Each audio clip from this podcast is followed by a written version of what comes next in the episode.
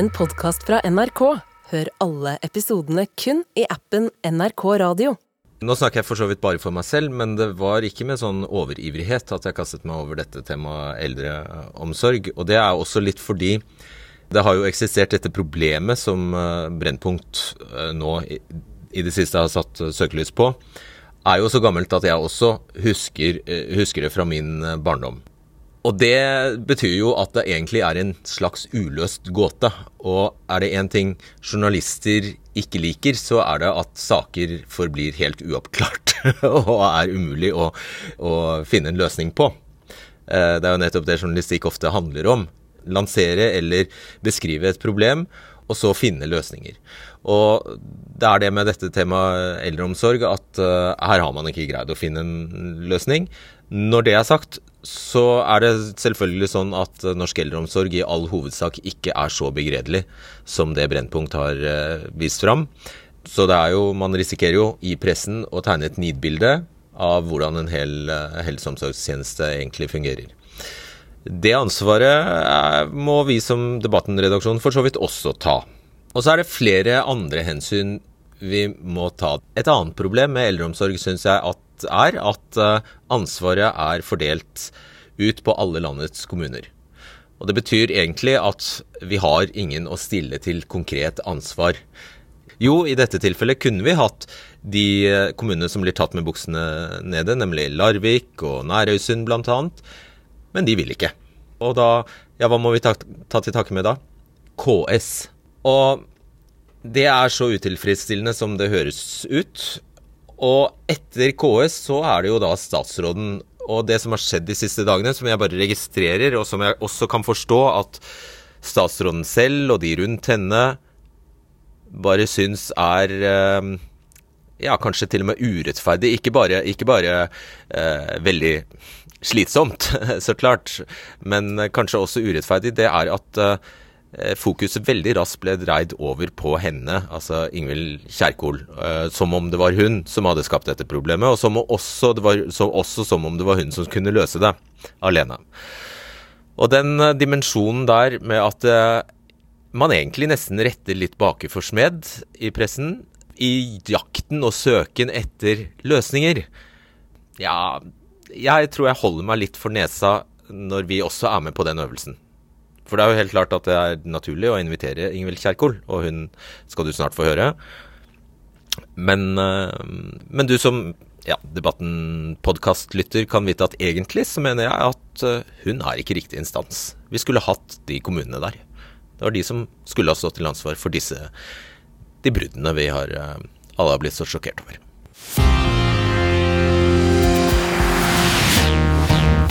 Gamle mennesker er unge som har blitt eldre. Det vet vi alle, og det er kanskje derfor de skjulte opptakene av lovbrudd, forsømmelser og uverdig behandling har satt en støkk i oss alle. Så mange føler nok som Lise Fjelstad etter å ha sett Brennpunkt. Livredd for å bli gammel, så sint, sjokkert, nummen, uten håp, så uten varme, så iskaldt og brutalt. Eller hva skal man kalle det når pleierne på Furuhjem sykehjem i Larvik legger denne 87 år gamle demente kvinnen klokka fem på ettermiddagen. Furuheim sykehjem, unnskyld. To timer senere får de henne til å spise kveldsmat hengende over sengehesten, og etter så mange timer i senga er bleien tung når hun endelig etter 17 timer får skiftet bleien. Neste gang hun blir skiftet på, går det over 24 timer mellom skiftene.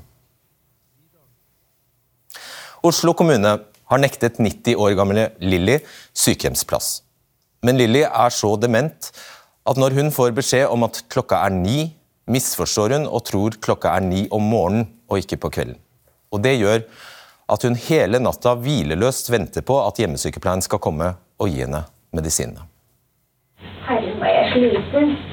Jeg klarer jo ikke mer. Uff. Vennligst ta medisinposen. Ta ut medisinene og ta dem sammen med vann. Ja, herregud. Også Sverre på 96 år på Karmøy nektes langtidsplass på sykehjem av kommunen. Alt han ønsker, er å få flytte sammen med kona, som for få år siden havnet på sykehjem fordi hun var dement. Klage på langtidsopphold på sykehjem. Klagen imøtekommes ikke. Vedtaket på avslag om langtidsopphold på sykehjem opprettholdes. Nå er det vanskelig å finne ord. For nå føler jeg Nå er det ikke flere. Men kan de ta det ut en stund til, så regner de med at jeg er ikke mer? Ja, Så er de, det, så er de ferdige med det? ja. Ja, diskusjonen om norsk eldreomsorg vekker sterke følelser, og du som ser på kan selv bli med i diskusjonen på nrk.no Fredrik Solvang. De aller fleste i Norge mener det er et offentlig ansvar å ta vare på de eldre. Men etter det er det ikke nødvendigvis like stor enighet om hvorfor det offentlige svikter, og hva som skal til for å få en eldreomsorg det skinner av, slik utallige regjeringer og politikere har uttrykt ønske om. Og For å gjøre det litt ryddigere for dere som ser på, har vi plassert de som har og har hatt ansvaret for norsk eldreomsorg på denne siden. Så Anne Holt, forfatter og selverklært sosialdemokrat.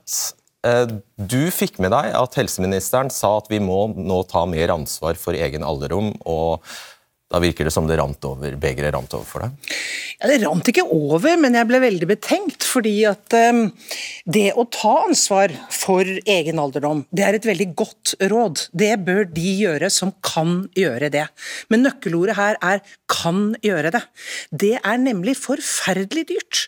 Det vet jeg pga. at jeg har sett på alle priser og sett på hvordan det er, og jeg har nettopp gjennomført den prosessen selv. Altså flytte fra en stor, tung enebolig til en lekker, liten, ikke spesielt flott leilighet, men i Oslo sentrum. Det er dyrt. Hvis du i tillegg da skal ha penger i banken, du må være gjeldfri, du må ha masse penger i banken, sånn at du kan ta vare på de delene av omsorgen du trenger som gammel, og særlig hvis du er hjemmeboende, som ikke det offentlige viser at de gjør i dag. Og da er nøkkelordet hvis du kan, så gjør det. Det som for meg blir problemet, er at det er, en, er et svik mot den sosialdemokratiske modellen. Fordi det, Vi lever i et sosialdemokrati, vi lever i et sosialdemokratisk velferdssamfunn, uansett om statsministeren heter Solberg eller Gahr Støre. Det er vi enige om at vi skal ta vare på hverandre. Og kontrakten går ut på jobb ordentlig, skikk deg noenlunde vel, og kollektivet skal plukke deg opp hvis du faller. Men disse reportasjene her, og manges egne erfaringer, viser at vi plukker ikke lenger opp de som faller. Og det er et svik, og det skjønner jeg provoserer veldig mange. Hva er det svar til det? Jeg er helt enig med Anne Holt. Jeg regner meg også som sosialdemokrat. Og det er mange i dag som planlegger som Anne Holt, for at når man blir pensjonist, så flytter man inn i en enklere bolig. Og det er dem som kan det. Det er også dem som kunne kjøpe seg en større bolig når man kanskje fikk barn. Eh, Det vi ønsker fra regjeringas side, det er å legge til rette for at flere kan gjøre det valget. Eh, Vi skal legge fram en eldrereform i vår, hvor vi bl.a. ser på det her med bolig og et eldreboligprogram under Husbankens virkemidler. Sånn at flere kan være sjef i eget liv og kunne investere i boliger. I distriktene så vet vi også at du får lite igjen for store, gamle eneboliger. Det koster mye å bygge moderne, mindre funksjonelle leiligheter, og det ser vi òg på virkemidler, sånn at vi får til den endringa for flere. For det vil gjøre oss bedre i stand til å ta vare på alle dem som trenger helsehjelp i årene som kommer. Og Det er en formidabel jobb. Der har vi begynt å se på den viktigste ressursen, og det er fagfolkene. Eh, Neste uke så får vi en rapport fra helsepersonellkommisjonen, for vi er nødt til å se på hvordan vi klarer å skaffe nok folk for å ta vare på dem som trenger helsehjelp. Og det kommer helsehjelp. vi rikelig tilbake til.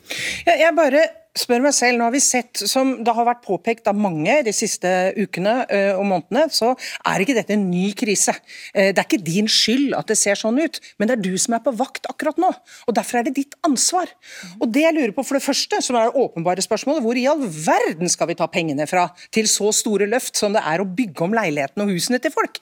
Vi har jo ikke penger til de mest elementære ting som mat til de gamle. Hvordan skal vi kunne bygge om bad, trapp og legge inn heis? Det ser ikke jeg helt muligheten for. En annen ting som kanskje er enda viktigere, det er at når man er helse- og omsorgsminister, da har man først og fremst ansvaret for de menneskene som trenger offentlig omsorg. De av oss som kan klare oss lengst mulig hjemme, og som kanskje har råd til å ta de omkostningene selv. Det er jo ikke for utgangspunktet et, et ansvar for helse- og omsorgsministeren. Og da er det jeg blir ganske provosert over at dette elementet, altså pass på deg sjæl, at det løftes så høyt av den som har omsorg, oms, ansvaret for en eldreomsorg i kontinuerlig krise. Ja, her syns jeg Anne Holt tar et sitat og springer av gårde med det. Jeg, jeg, kjenner ikke igjen eh, det vi ønsker å få til i den beskrivelsen.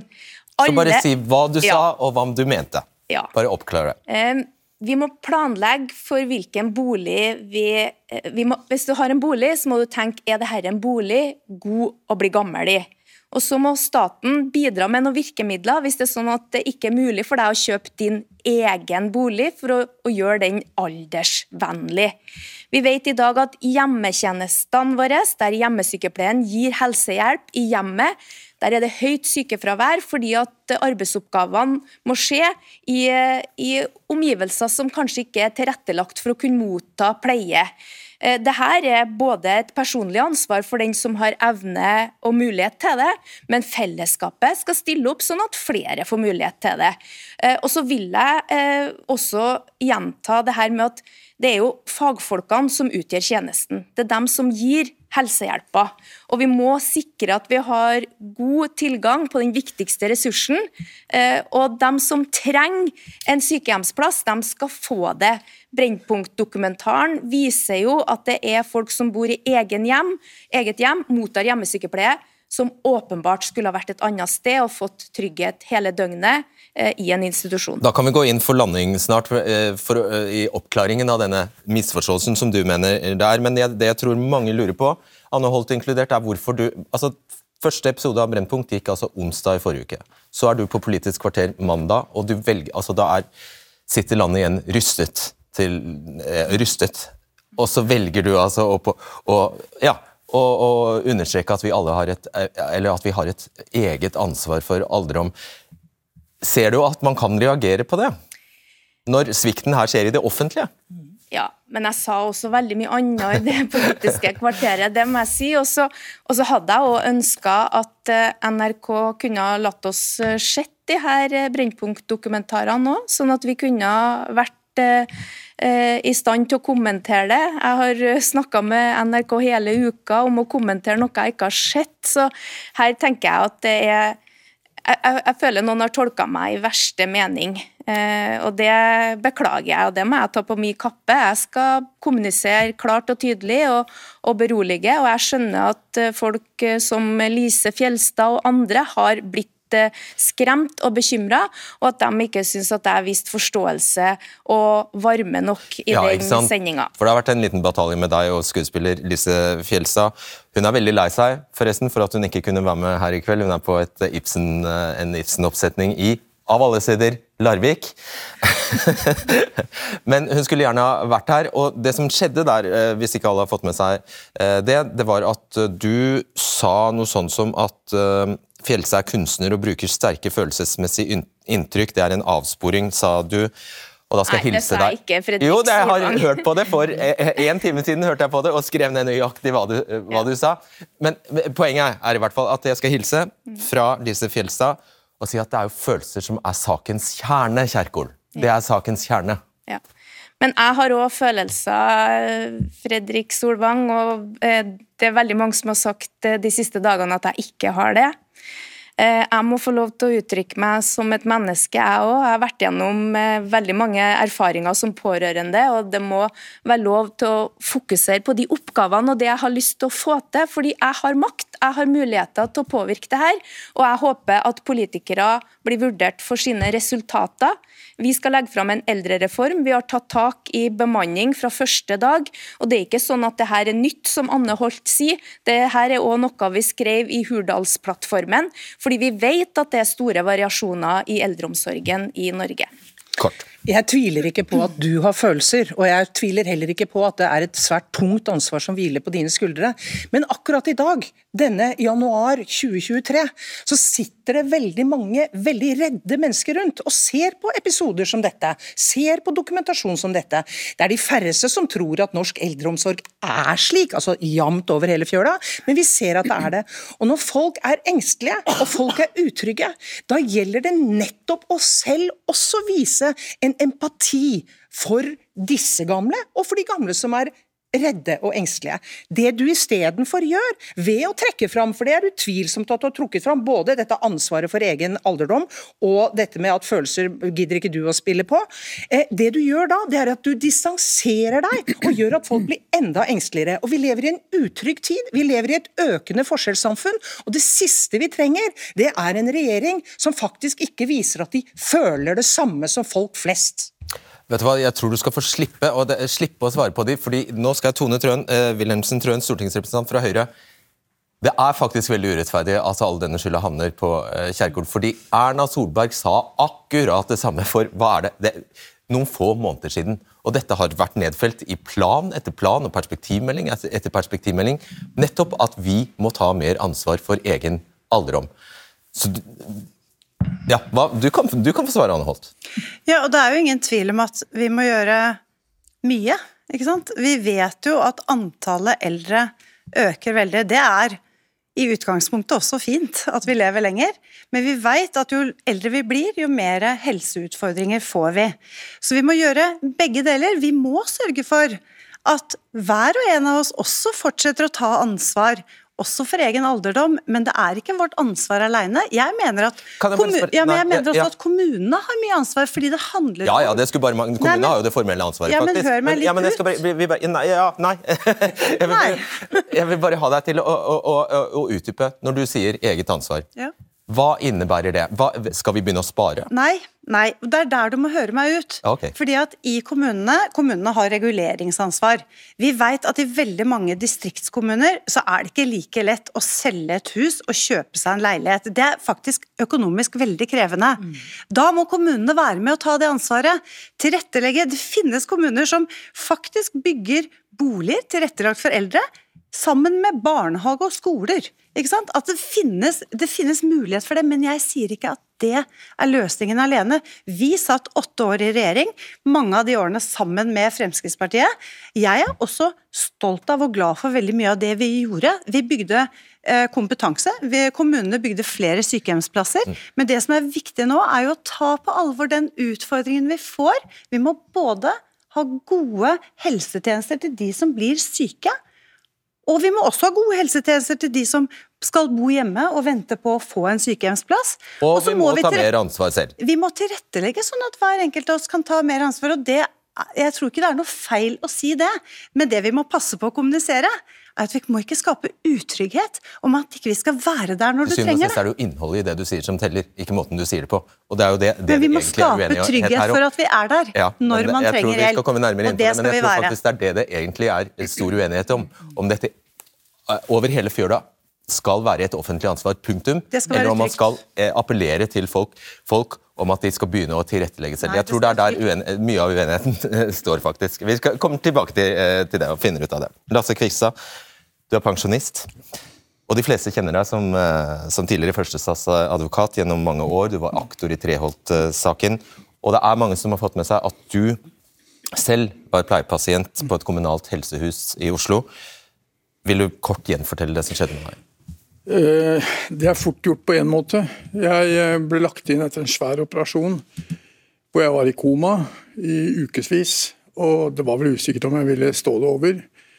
Men vi hadde fantastiske leger i Norge, og det gikk bra med meg. Men problemet er at jeg havnet på et sted hvor folk ikke hadde tid til å ta seg av meg. Spesielt meg. Det var mange som var i min situasjon. Jeg var hjelpeløs. Jeg kunne ikke gå, stå. Jeg måtte ha bleie hele tiden. Eh, jeg kunne ikke gå ut av senga. Jeg måtte hjelpes til alt de første ukene jeg var der. Da var det rett og slett ikke folk der. Det var for få ansatte. Jeg bebreider ikke dem i et sekund. Men det var rett og slett en åpenbart, som enkelte sa til meg, et skranglevondt og dårlig system. Som var dårlig skrudd sammen. Og i tillegg, som vedkommende sa til meg, som var eh, overlege, han sa at dette er et system som i tillegg er dårlig satt sammen, og i tillegg kraftig underbudsjettert. Og da blir man ikke veldig overrasket når det går som det gikk med meg. Med meg endte det bra til slutt. Jeg fikk fantastisk oppfølging senere, da jeg kom på godt oppfølging. Fysioterapeuter som hjalp meg og fikk meg tilbake til virkeligheten. Så jeg klager ikke, men jeg blir ganske opprørt når jeg hører dette politiske snikksnakket som det egentlig er. For alle skylder på alle. Ingen tar ansvar. Alltid et utvalg som skal utrede, og dette har vi, jeg har levd en stund. Og jeg har hørt det i 30-40 år, altså. Og jeg er lei av det nå. Har det vært samme diagnosealder disse 30-40 årene? Nå peker du altså på ressurspenger, egentlig? Jeg peker på et uh, pengespørsmål, ja. Jeg fatter ikke at politikere i Norge holder på med dette kjeklet. Jeg skjønner utmerket godt at man ikke kan bruke, bruke penger som fulle sjømenn på tvilsomme institusjoner. Og nå blir sjømennene sure. Ja, ok. Fulle nordmenn, da. Fulle nordmenn. Eh, de, eh, det kan man ikke. Det rammer rundt dette her. Men rammer og prioriteringer legges av politikerne selv. De bare er ikke klar over det. Når vi bygger tunneler som ikke virker akkurat nå for tiden, så har man prioritert for år framover. Man, eh, når Oslo kommune prioriterer sine interne ting, så prioriterer de av alle mulige grunner å holde på med sykkelveier, sykkelpiggdekk. Det er mange ting som er viktige for vårt samfunn. Sykkelpiggdekk er ikke en av dem. Ok, Lasse Kvikstad, eh, jeg skylder å legge til, vi har ikke invitert eh, Nei, Oslo kommune. Men det, det, er det samme overalt, egentlig. Det er nokså likt over hele landet. Kommunene foretar mange feilprioriteringer men politikerne de lar seg styre av Finansdepartementets rammebudsjetter. Og det er det som bestemmer alt, og når det er lagt, så er det ikke noe mer igjen å diskutere. Jeg, jeg, tror vi samler opp litt. Skal bare, jeg skal bare til eh, Svanhild Furre Johannessen. Eh, vi så deg i Brennpunkt-dokumentaren. Der du eh, er sykepleier ved et sykehjem i, på Namdalskysten i Trøndelag. Mm. Og du videodokumenterte egentlig jobbhverdagen din. Mm. Og så ser vi deg egentlig gråtende, og du sier at uh, det har vært helt forferdelig, jeg har ikke lyst til å gå på jobb i, i morgen. Mm. Um, hvorfor? Du, det var ei ekstremt krevende tid vi sto i. Uh, vi har pasientbelegg uh, som vi ikke klarte med. Vi hadde ikke ressurser nok til å møte deres behov. Og vi hadde heller ikke hender og kompetanse nok. Eh, og det førte til at vi daglig begikk lovbrudd, og vi ikke klarte å dekke behovene til pasientene. Og da snakker vi så enkelt som å få gå på do, eh, få mat til rett tid, eh, og det å få komme seg opp av senga, og få medisin til rett tid. Mm. Ble det bedre etter at du sto frem? Det ble bedre etter vi varsla, og jeg er glad for at vi gjorde det. Men det fulgte jo med seg økt arbeidskraft. Vi fikk øka grunnbemanning. Vi fikk økt opp stillingene til dem som ønska det, eh, og vi fikk nye ledere. Eh, og det har vært til stor hjelp. Men så går vi jo på en ny bølge igjen, med enda sykere pasienter, så vi har hatt en liten vanskelig periode igjen i høst, og fram til jul, egentlig. Eh, hvor vi igjen har følt at vi har stått og ropa litt i glassbur og ikke helt har nådd fram med det vi ønsker å gjøre, da, som er god pleie og omsorg. Og i Brennpunkt ser vi deg helt fra deg når du sier at mm. i, i dag i kveld mm. Skal du, på, du, skal på kveldsvakt, og du har mm. ansvaret for 40 pasienter alene. 44 pasienter. 44 mm. pasienter alene. Bare forklar for oss hva du ikke rekker da. Hva er det du eh, går hjem med elendig eh, samvittighet for? Ja, for det spiller jo akkurat på samvittigheten. For vi har jo så veldig lyst til å gjøre så veldig mye mer enn det vi får til. Når du er én sykepleier på 44 pasienter, med komplekse, alvorlige sykdommer. Eh, vi vet jo alle at eh, de blir stadig sykere, de som kommer på sykehjem. Eh, så er det en, på en måte en kamp om tida. Du skulle helst vært i ti plasser samtidig. Og hvis vi har flere terminale pasienter, altså pasienter som ligger for døden, så har man jo lyst til å være der. Man har lyst til å se det her behovene de har for smertelindring. Man har lyst til å støtte pårørende. Kanskje har man kollegaer som ikke er kjent, som ikke har kompetanse. Du har lyst til å være der for dem og veilede, og det rekker du ikke. Og så har du kanskje akutte tilfeller, som man så jeg beskrev i videoen, og da er du for sein. Eh, ville det kunne skje i dag igjen at du, satt, at du sto der med ansvaret for 44 pasienter Ja. alene? Det ville kunne skje igjen? Ja. Er det sykefravær Er det sykefravær som skjer da? Det er et veldig stort sykefravær i den sektoren vi jobber i. Eh, Det er sånn som på alle andre arbeidsplasser, svangerskapspermisjoner, folk eh, kanskje ikke har mulighet til å jobbe heltidsstillinger. Så det er helt klart at det kan skje igjen. Og det er vi ikke alene om i Næresund. Den store løsningen, hva er det? Jeg tror løsninga det må være at de som er ansvarlig, må gjøre ord om til handling. Eh, Jeg tror at det er nødt til å skje en holdningsendring. Eh, Det er på en måte ikke nok med hender og folk, vi er nødt til å ha kompetanse. Eh, Og det nytter ikke nå lenger å be oss om å prioritere bedre. For hvem skal vi da nedprioritere? Og Det er på en måte litt spørsmålet mitt til den gjengen her. Hvem skal vi nedprioritere? For vi klarer ikke å springe fortere enn det vi gjør i dag. Da. Mm.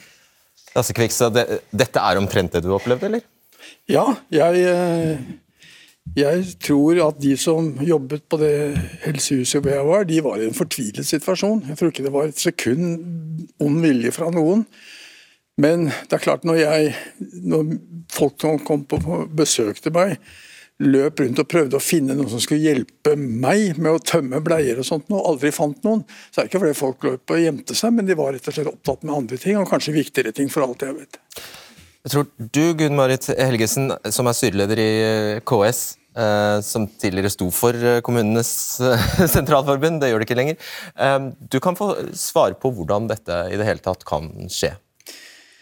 Ja, Det er jeg ikke så sikker på om jeg kan, for det tror jeg kommunene må svare for. fordi KS representerer jo alle kommunene og forsøker å ta opp utfordringene som kommunesektoren står overfor, overfor sentrale myndigheter. Det er ikke noen ny situasjon det som Det er jo flere som sier det er ikke noen ny situasjon det vi opplever nå. Du nevnte sjøl perspektivmelding på perspektivmelding. Vi vet at vi får Vi lever lengre, det er bra. Vi er friskere, men vi blir også sykere mange, trenger helsetjenester. eh, Og vi blir færre folk, færre yngre og færre folk som skal gå inn og ta det ansvaret og gjøre den jobben. Og Det betyr at det hovedproblemet er at det er et økende gap mellom behov og oppgaver på den ene siden, og de ressursene som blir stilt til rådighet til å løse det oppdraget på den andre siden. Det er lett å skyte på kommunene, eh, men det er for lettvint. Dette her er ikke et kommunalt ansvar alene, det er et samfunnsproblem som vi må løse i fellesskap. Så det å skyte på kommunene, eh, det blir feil.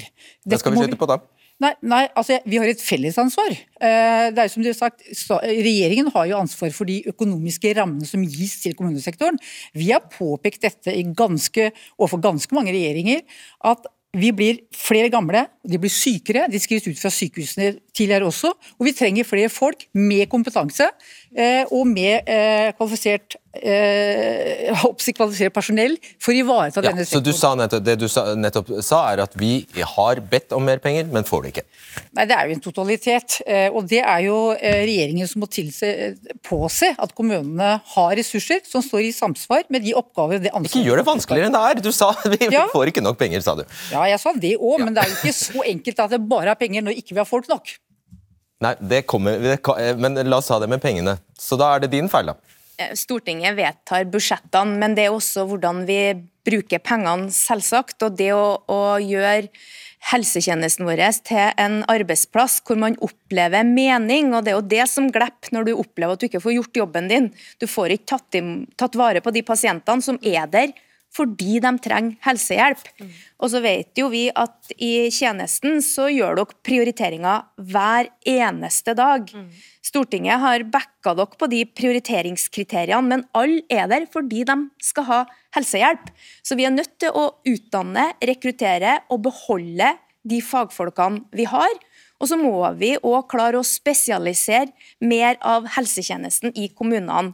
Den historien som Lasse Kvikstad forteller, det er tidlig utskriving, men så har du fortsatt behov for behandling. Og når andre enn oss sjøl eh, måler den norske helsetjenesten, så, så havner vi helt opp på topp i verdenssammenheng. Men på, på ett punkt så er vi helt ned på åttendeplass, og det er på dette pasientforløpet. Vi har kommunehelsetjenesten og sykehusene, og herre må gå bedre i lag. Og den, Det er jobben min. Det har jeg tenkt å, å løfte. Vi er nødt til å løse det her utskrivningsklare pasientene som trenger oppfølging i kommunene. For ikke alle kan reise hjem. De må ha mer behandling. En veldig kjapp replikk, Oskar så skal vi Eh, kanskje man kunne se til Danmark, hvor jeg tror stadig det er slik at eh, staten har ansvaret for det totale helseforløpet. Denne evinnelige krangelen mellom stat og kommune, den har man i prinsippet ikke i Danmark foreløpig, i hvert fall. Dette ivrer du for, Bård Hoksrud. Endelig, endelig er det din tur. Eh, som om det skulle gjøre underverker når, hvis problemet faktisk både er én, det er ikke totalt sett nok penger, det er ikke politisk vilje eh, til det, men to, ikke minst, det er ikke folk til å Disse varme hendene fins ikke. Det er klart at det med de varme hendene det er en utfordring, men det handler også om vilje til å prioritere og faktisk si at dette skal vi gjøre. Og Det er der jeg mener at eh, er forskjellen, for nå, nå sier, nå sier Kjerkol at vi skal ha en ny plan. Og Det første man, altså, man gjorde når man eh, overtok, det var å sørge for at det ble ikke bygd nye sykehjemsplasser. Det var forslag fra regjeringa, så ble det 500 i år. Så foreslår man at man ikke skal lenger vite hva ventelisten er for å få en sykehjemsplass. Det er jo elementært for å kunne legge til rette for det riktige tilbudet. Og så fjerner man eldreombudet. Eh, og Det betyr altså at den som skal være vaktbikkja, blir borte, og så kommer vi dit vi er i dag. Jeg mener at vi må få på plass en statlig finansiert eldreomsorg med en kvalitet på tjenestene. Vi gjennomførte et forsøksprosjekt. Jeg tror man kan gå og prate med alle de kommunene som var med i dette forsøket. For da var det sånn at når noen trengte mer tjenester, så kunne man faktisk kalle en, en person som kunne gjøre jobben, og så fikk man betalt av staten og slapp å dekke dette sjøl. Og vi gikk altså i fjor med overskudd bare på olje- og gassinntektene med 1547 milliarder. Så de må slutte å prate om at dette handler om penger. Dette handler om vilje til å gjøre det. Det er det som er utfordringa med de andre partiene og KS her. Vær over med meg når dere ikke får ordet for, nå, fordi det er en uh, siste kvinne her som uh, må få komme til. Det er deg, Tone Ambjørnsen Torgersen. Du er pårørende. og skal også legge til at du sitter i kommunestyret for uh, Frp i Færder kommune. Ja. Slettes ikke derfor du er her i kveld, men du er her som pårørende. Og Vi så deg i Brennpunkt. Du, ja, du hadde en mor som døde ved Furuheim sykehjem i Larvik. Mm i fjor. Hva opplevde dere? Vi opplevde jo omsorgssvikt. Svikt i de basale pleiebehovene. Seponering av medisiner. Vi opplevde å finne mamma naken, eh, sittende på formiddagen i sin egen avføring. Og dette er hjerteskjærende gripende, både for oss, men vi så også en mor som ble gradvis mer og mer ensom, redd og deprimert. Vi har, vi har jo også pleiere, og det er viktig å si, ja, det fins pleiere som viser omsorg i høyeste grad, men de er i fåtall. De andre er de, de, de, er ikke i den settingen at de klarer å følge opp på kompetanse når det gjelder demens og sterkt hemmede pasienter. Uh, dere prøvde å si fra. Hva skjedde da? Vi prøvde å si fra. Vi, prøvde, vi var veldig tett på. Vi var hos mamma tre til fire ganger i uken. Eh, og hyppigere og hyppigere ble det, desto engsteligere vi ble. Vi sa fra til eh, avdelingen, som vi fikk beskjed om å gjøre, med primærsykepleier. Jeg ba om møte med avdelingsleder, og det loves forbedringer. Så prøver man da, når man ikke når fram, så prøver man fortvilet å nå kommunen. Og det er da vi som pårørende, og da snakker jeg i vi-form, finner ut at det er lettere å nå Hans Majestet Kongen enn det er å nå de som er i administrasjon og har ansvar og beslutningsevne. Her passer det å legge til at vi faktisk egentlig planla en helt annen debatt enn i kveld. Vi ville finne ut hva som helt konkret har skjedd i Larvik kommune, og ikke minst på Furuheim sykehjem. Eh, hvorfor denne typen lovbrudd og omsorgssvikt skjer akkurat der. Så vi inviterte pleiere, enhetsleder, kommunalsjef, kommunaldirektør i Larvik. Og vi ville hit for å høre med dem hvor de mener skoen egentlig trykker, altså sett fra deres eget perspektiv. Kommunedirektør Gro Herheim har gjentatte ganger sagt at hun håper denne Brennpunkt-dokumentaren vil reise en debatt om spriket mellom forventninger og ressurser. Hun har også sagt på allmøter at hun ønsker debatten som vil komme i bakkant av Brennpunkt, velkommen. Og så ender det med at hun, hun eller ingen fra Larvik kommune vil stille. Og den unnskyldningen de kommer med, og det er det, det er at de selv har bedt statsforvalteren utføre tilsyn av dem. Og derfor mener de at de ikke kan delta. Forstå det den som kan. Uansett, resultatet er at Larvik kommune, som altså er tatt med buksen nede, ikke er her. Og så skal jeg også legge til at kommunalsjefen i, i, i din kommune, Nærøysund, kommune heller ikke kunne stille. Hva syns du om, syns du om dette?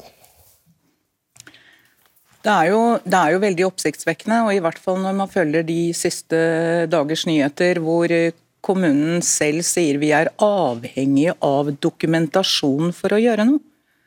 Altså nettopp kommunikasjon. Kommunikasjon med pårørende. Det å få inn eh, kritikk er ikke kritikk, men det er et hjelpemiddel til å gjøre apparatet bedre. Vi trenger systemer for pårørende. Vi trenger å få inn enkle grep for å få hverdagen bedre. Både for de som jobber, for avvikssystemene. Kan ikke, man kan ikke stenge avvikene hos, uh, hos avdelingsledere, som igjen sorteres hos senterlederne. Og så ender det opp hos administrasjoner, som igjen skal servere det til politikere.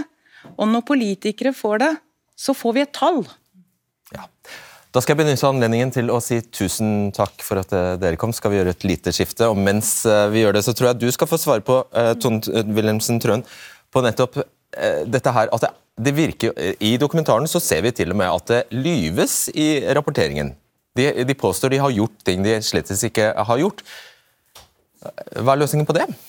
Nei, jeg, jeg eh, syns det var, har vært veldig krevende å se begge de dokumentarene som, eh, som NRK Brennpunkt har vist. Og vi kan, vi kan ikke garantere at det ikke skjer feil i pasientbehandling. Det er fordi det er mennesker som, som, jobber der, og mennesker kan gjøre feil.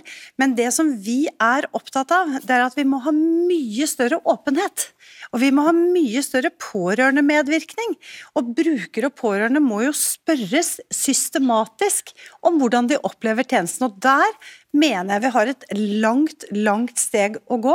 Vi har sagt at vi mener at alle kommuner bør ha bruker- og pårørendeundersøkelse. Det må være åpenhet om kvalitet og resultater i eldreomsorgen.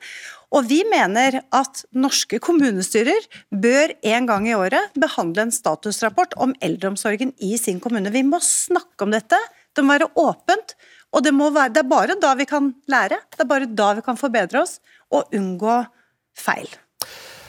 Sceneskiftet her består bl.a. av deg, Mette Nord, du er leder av eh, Fagforbundet. og Bare for å eh, forstå hva, eh, hvem du representerer, så er det da de som kalles helsefagarbeidere, gjerne? i dag? Ja, vi representerer helsefagarbeidere, sykepleiere, de uten formell kompetanse. Så vi organiserer i grunnen alle som er ansatt i helse- og omsorgstjenestene. er brorparten de Er helsefagarbeidere. Ja, og da har man, Hva har man videregående? Da er man fagarbeider. Ikke sant. Så I motsetning til sykepleierne, som har en bachelorgrad. Da, da har vi det på plass. Dette er komplisert, det er omfattende. Eh, forklaringene spriker jo i alle i, i, veldig mange retninger. Hva er din hovedforklaring på at vi står her da etter så mange tiår og egentlig ja, altså, samme regler? Som gammel hjelpepleier sjøl, så må jeg jo si at det berører eh, å se de innslagene vi har sett på Brennpunkt. Eh, og det er jo et uttrykk for at det er sprik i hva vi faktisk har ansvar for å få gjort, og hva som er mulig å få gjort. Eh, og så er det nok flere forklaringer, men det er åpenbart noen eh, ganske elementære ting. Og da er det Det må altså en bedre bemanning til. Så må vi i tillegg til det sørge for at vi har folk i hele, faste stillinger. Syv av ti helsefagarbeidere jobber deltid. Og så må vi sørge for at vi har en god oppgavedeling, sånn at ikke Svanhild f.eks. Eh, opplever at hun er alene om ansvaret. Og Da er det altså viktig at jeg tror alle helsefagarbeidere som også er på jobb, de føler ansvar for at pasientene skal ha det bra, eh, og at teamet rundt skal kunne funke i samarbeid. For det er jo ikke sikkert at Svanhild Det fikk vi for så vidt ikke vite i dokumentaren om eh, Det var jo ikke bare henne på jobb den Nei, kvelden. Det var nok antagelig helsefagarbeidere. Veldig mange andre. Ikke sant. Så bare la oss forstå. Hvilke oppgaver er det helt konkret dere vil ta fra sykepleierne? Vi vil ikke ta fra noen, men vi tenker, vi tenker at det er viktig at vi har rett kompetanse på rett plass, og at vi utvikler fagkompetansen til de som er på jobb. For jeg tror faktisk Ja, men Vær helt konkret. Vi, vi, ja, det, det er i praktisk stell og pleie at også helsefagarbeiderne påser at pasientene får tatt medisinene, at de får eh, spist mat, vært på toalettet. Eh, er det blodtrykksmåling, så kan de gjøre den jobben. Og Vi ser at det er flere og flere både kommuner og sykehus som nå ser på at her er det jo faktisk en uutnytta ressurs i helsefagarbeiderne som kunne gjøre mye, mye mer enn det de gjør i dag. Og for de uinnvidde, det er altså sånn at eh, dere får ikke lov til å gjøre alt. Det er ganske strenge, strenge regler mange steder for hva dere kan gjøre. Det som er viktig, er at den som har ansvaret, eh, også sørger for at eh, det er forsvarlig helsehjelp som gjøres. Eh, og det handler jo om å lære opp folk. Eh, så helsefagarbeidere har også muligheten til å lære mer og gjøre mer. Er det en løsning, Lill Sverresdatter Larsen, leder i Sykepleierforbundet? Det er definitivt en løsning at vi skal ha en mer ansvar og oppgavedeling. Vi legger vekt på ansvar, som følger de oppgavene eh, som, som skal deles imellom for pasienten sitt eh, beste.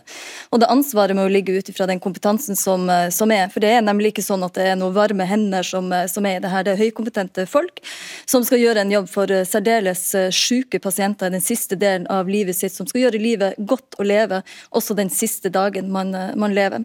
Og det Jeg skal bare prøve å tolke mellom linjene her. Sa du nå at eh, de er ikke kompetente nok til å overta flere oppgaver?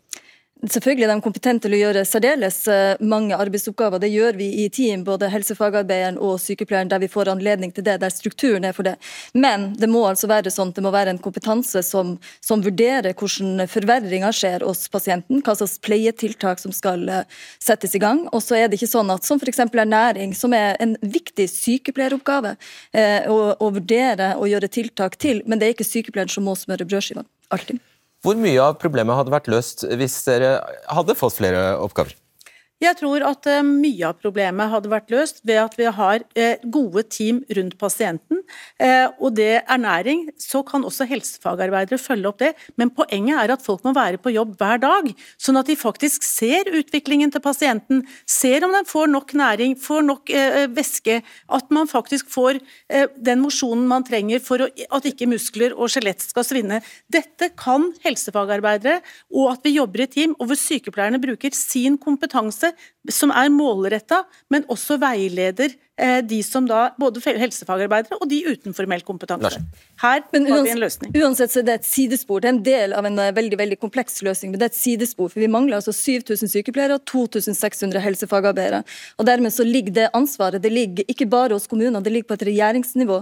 Og derfor er hovedproblemet her er rett og slett en sånn ansvarsfraskrivelse som vi er nødt til å få regjeringa til å ta sitt viktige ansvar. Hørtes ut for meg som ganske enkel matte hvis det mangler se- se- seks eller 7000 sykepleiere i dag og noen 2000 og et eller annet helsefagarbeidere, og helsefagarbeiderne kan begynne å gjøre flere sykepleieroppgaver. Er, er, er du enig? Jeg mener at vi trenger hele laget i årene som kommer. Vi blir mange flere eldre, riktignok mange friske, men behovet for eh, helsehjelp øker også blant den yngre befolkningen. Så vi blir jo flere som trenger helsehjelp, og færre til å utføre oppgavene. Og da må vi ha hele laget mobilisert, god arbeidsdeling. Og her har jeg lyst til å si Det jobbes veldig godt med dette i ulike prosjekter. God oppgave og arbeidsdeling. Det gjelder Syns også Sykepleierforbundet er fleksible nok? Eh, Sykepleierforbundet vet jeg er med på denne innsatsen, at vi skal få riktig kompetanse til riktig oppgave, eh, sånn at vi som fellesskap eh, tar vare på ulike behov.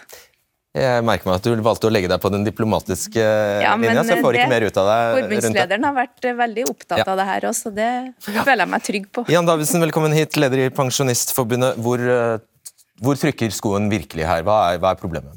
Nei, Primærproblemet er selvfølgelig for dårlig bemanning. Det er det ene både i institusjonsomsorgen og ikke minst i den hjemmebaserte omsorgen. Det er liksom alt det som kom frem her, både i programmet med det vi har visst fra før. Og det andre er selvfølgelig det at eh, du må ha, ha flere plasser til de eldre.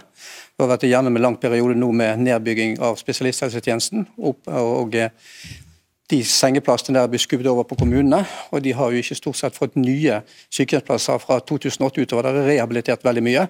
Og det er klart at Da, da skaper du en, forvent, altså en situasjon som alle har sett. Og så må du dessverre annet ha brent bort programmer for du skal kunne få den typen debatter, og ikke minst kanskje få gjort noe med det. For det trenger vi etter hvert. Men jeg satt også en Dagsnytt 18 faktisk i dag fra 2012. Da eh, ble det uttrykt bekymring for at Samhandlingsreformen, som, altså er den, der, eh, som er den som handler om at kommunene skal få flere oppgaver, det var fire år til den skulle iverksettes. Da ble det uttrykt et, et, et, en veldig sterk bekymring for egentlig akkurat den situasjonen vi står i nå. Så dette er jo ingen ny problemstilling. Nei, det er ingen ny problemstilling. og Jeg kan gå tilbake og se kravene våre til statsbudsjettet år etter år etter år, og du kjenner dette her igjen fra, fra vår side. Og så er det viktig å snakke om pleie- og omsorgssektoren, ikke bare eldreomsorgen. For dette går på eldreomsorgen. Men veksten i utgiftene i kommunen har jo gått til de yngre innbyggerne. og Derfor er det viktig å se dette i en sammenheng. fordi at Du klarer ikke å løse dette hvis ikke du har både fagligheten, men du må også ha folk til å vise omsorgen. Gjøre disse nære tingene som skaper livskvaliteten. og Det er derfor jeg tror det at det å få gjort noe kjapt Kommunesektoren er mye mer omstillingsvennlig enn det noen vil ha det til, og de klarer fint å absorbere disse oppgavene, får de nok ressurser i. Trude Drevland, velkommen hit. Pensjonist tidligere ordfører i Bergen eh, og vært helse- og sosialbyråd. Og inntil i fjor var du leder av Rådet for et aldersvennlig Norge. Altså en av de unge som er blitt gammel. Ja, ja. ikke sant. Sånn er det. Bare så vi har det ordentlig. Ja. Absolutt. Hva må gjøres? Ja, det kan du spørre om. Altså, hvis jeg hadde sittet med makt og myndighet nå, så hadde jeg i hvert fall vist handlekraft og gitt noe som hjalp i situasjonen. For nå sitter tre fjerdedeler av Norge og alle de som venter på å bli eldre, eller som burde vært på sykehjem eller hatt hjemmesykepleie, de sitter nå og er like bekymret som Elise Fjelstad. Eh, min depresjon etter å sett Brennpunkt varte i to timer. Det er lenge for meg. For jeg vet at det dessverre også er sånn der ute. Men det er også mye bra. Men det vi skal huske på, er at hver gang det kommer en sånn reportasje, så synker statusen til alle de som jobber med eldre i Norge, og samtidig tyter vi om mer kompetanse. Og hvor skal vi få den fra, når ikke utdanningsnivået er økt for to øre noe sted, og det tar minst fire år å utdanne en ny sykepleier. Og det tar god tid å utdanne fagarbeidere. Nå må vi begynne å ansette folk der ute som brenner for eldreomsorgen, og som vi kan gi en bunnopplæring, og som blir styrt og ledet av de som kan det. Og så må vi få inn frivillige, og så må vi vise at vi vil noe med eldreomsorgen, og at vi har respekt for de som er gamle i dag. For det er det vi snakker om. Ja, Du sa egentlig, jeg bare oversetter deg, vær kreative. Det er krise, vær kreative, ja. sier du. Jo, men, men, jeg har lyst til å si at eh, for det første jeg har lyst til å si at de reportasjene opprører oss alle.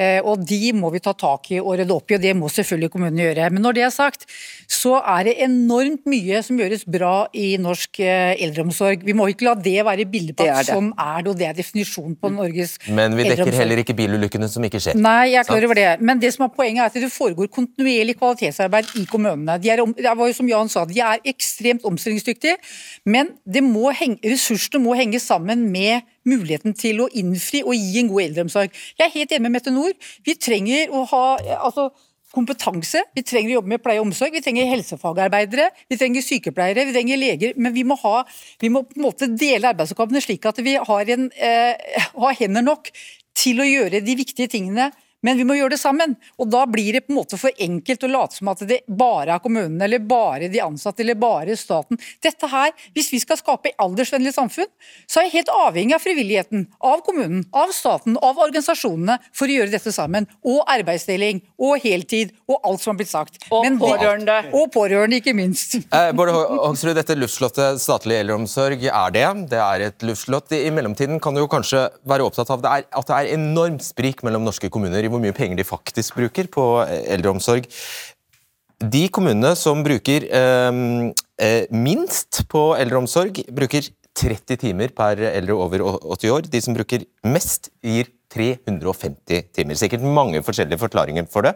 Og i antall kroner så er det sånn de, som, kommunen som bruker, de kommunene som bruker minst penger per innbygger på eh, utgifter til helse- og omsorgstjenester, bruker 20 000 ca. 20 000 kroner bare. De som bruker mest, bruker 100 000 kroner. 100 000 kroner bare. Hvorfor ikke starte i den enden? Ja, men Det bare viser jo hvor enorme forskjeller det er i kommunene. og det er jo det som Vi har sagt, vi ønsker jo også å ha mer tydelige nasjonale kriterier, for vi ser at det trenger vi. Og så har jeg lyst til å utfordre, fordi jeg er helt enig, vi er nødt til å se på uh, hvilke oppgaver som skal gjøres og, så videre, og hvem som skal gjøre oppgavene. Men kompetansen er jo utrolig viktig, og jeg mener at Lilly jo, viser jo hvor utrolig viktig det er. Og så har jeg lyst til å si at eh, Karin har, eh, har sønnen sin Kjell som tar virkelig pårørendeoppgaven på ordentlig alvor. Men det er faktisk ikke alle i dette landet her som har den muligheten. Og Det må vi også ta inn over og Det er derfor jeg mener at vi kan ikke være tilfeldigheter om postnummeret ditt det er liksom lotto om hvilket postnummer du har, om hvilken kvalitet du får på tjenestene dine. Derfor mener vi at det må være nasjonale kriterier. Vi mener at det må være statlig finansiert. Fordi Gunn Marit sier at det er pengene det står på. Alle kommuner sier at vi har ikke nok penger. Det handler om kompetanse også, men det handler mye om penger. Da må man være villig til det, og det er staten som sitter på den store muligheten for å kunne sikre det. Det kommer til å koste mer penger. Det er derfor vi vil, men det er derfor de andre partiene heller ikke ønsker det, dessverre. Hvorfor insisterer dere på at dere aldri kan jobbe oftere enn tredje hver eh, helg, når du vet at det faktisk fører til store problemer i turnusen, at det hoper seg opp på onsdager? Det er jo spørsmålet, Gjør det det? Har du faktaene dine rett? For det tror jeg ikke du har, og det kan vi snakke om senere. Og så er det sånn at uh, Sykepleiere jobber allerede ekstremt mye helg, i tillegg til helligdager og kveld. Det er omregna til at uh, sykepleiere jobber omtrent hver eneste lørdag hele året. Så vi har rapporteringer fra våre uh, sykepleiere over år som sier at skal vi jobbe enda mer helg i form av et pisk uten å få noe særlig betalt for det, for du får faktisk bedre betalt for en torsdagskveld enn en søndagsmorgen, så blir vi piska til å jobbe enda mer helg, så blir det enda færre sykepleiere som er på jobb. Det er et fritt marked, så det betyr at man kan finne seg andre jobber. Og de er jo, som vi vet, det er flere tusen sykepleiere som ikke lenger jobber som sykepleier fordi at de, eh, lønna er for lav og belastninga bl.a. i helgen er for høy. Mm. Jeg prøvde å advare på forhånd at det kom til å bli dårlig, dårlig tid her, og det har det for så vidt blitt, så det var det vi rakk. Beklager det. Eh, det var så langt vi kom, og dersom du ikke har fått med deg disse Brennpunkt-dokumentarene, som jeg anbefaler deg å se, så ligger de i NRK TV. Debatten er tilbake tirsdag neste uke. Vi ses. Jeg syns Tone Torgersen, altså pårørende i Larvik, eh, beskrev det veldig godt. Den uh, følelsen man får som pårørende når man prøver å si fra inn i et kommunalt system, er, jo helt fortvila. Uh, nå nærmer vi oss en valgkamp, en lokalvalgkamp. Egentlig er det nesten sånn at jeg mener at, eh, at, det hun sier, skal man ta det på alvor, så burde valgkampen ha dreid seg om, om, det. Nemlig hvorfor er det umulig å nå fram til kommunen? Hvorfor får jeg ikke kontakt med sykehjemmet? Hva kan eh, og egentlig helt konkret, hvordan kan bemanningssituasjonen på avdeling B på vårt, eh, på vårt sykehjem her i kommunen bli bedre? Jeg kan ikke skjønne annet enn at det er nettopp et sånt en kommunevalgkamp burde handle om, siden alle syns dette er så viktig. Og så det, kommer det i tillegg dette som vi har opplevd når vi har forsøkt å ta kontakt med disse kommunene. De har bygd seg opp et ekstremt solid hierarki med massevis av sjefer og direktører, som da effektivt ikke bare stenger pressen ute, men åpenbart også pårørende ute og brukere ute. Så hvis man mener at uh, dette ikke er uh, riktig, så må man jo da som velger egentlig til syvende og sist si det. At uh, sånn kan vi ikke ha det. Du har hørt en podkast fra NRK. Hør alle episodene kun i appen NRK Radio.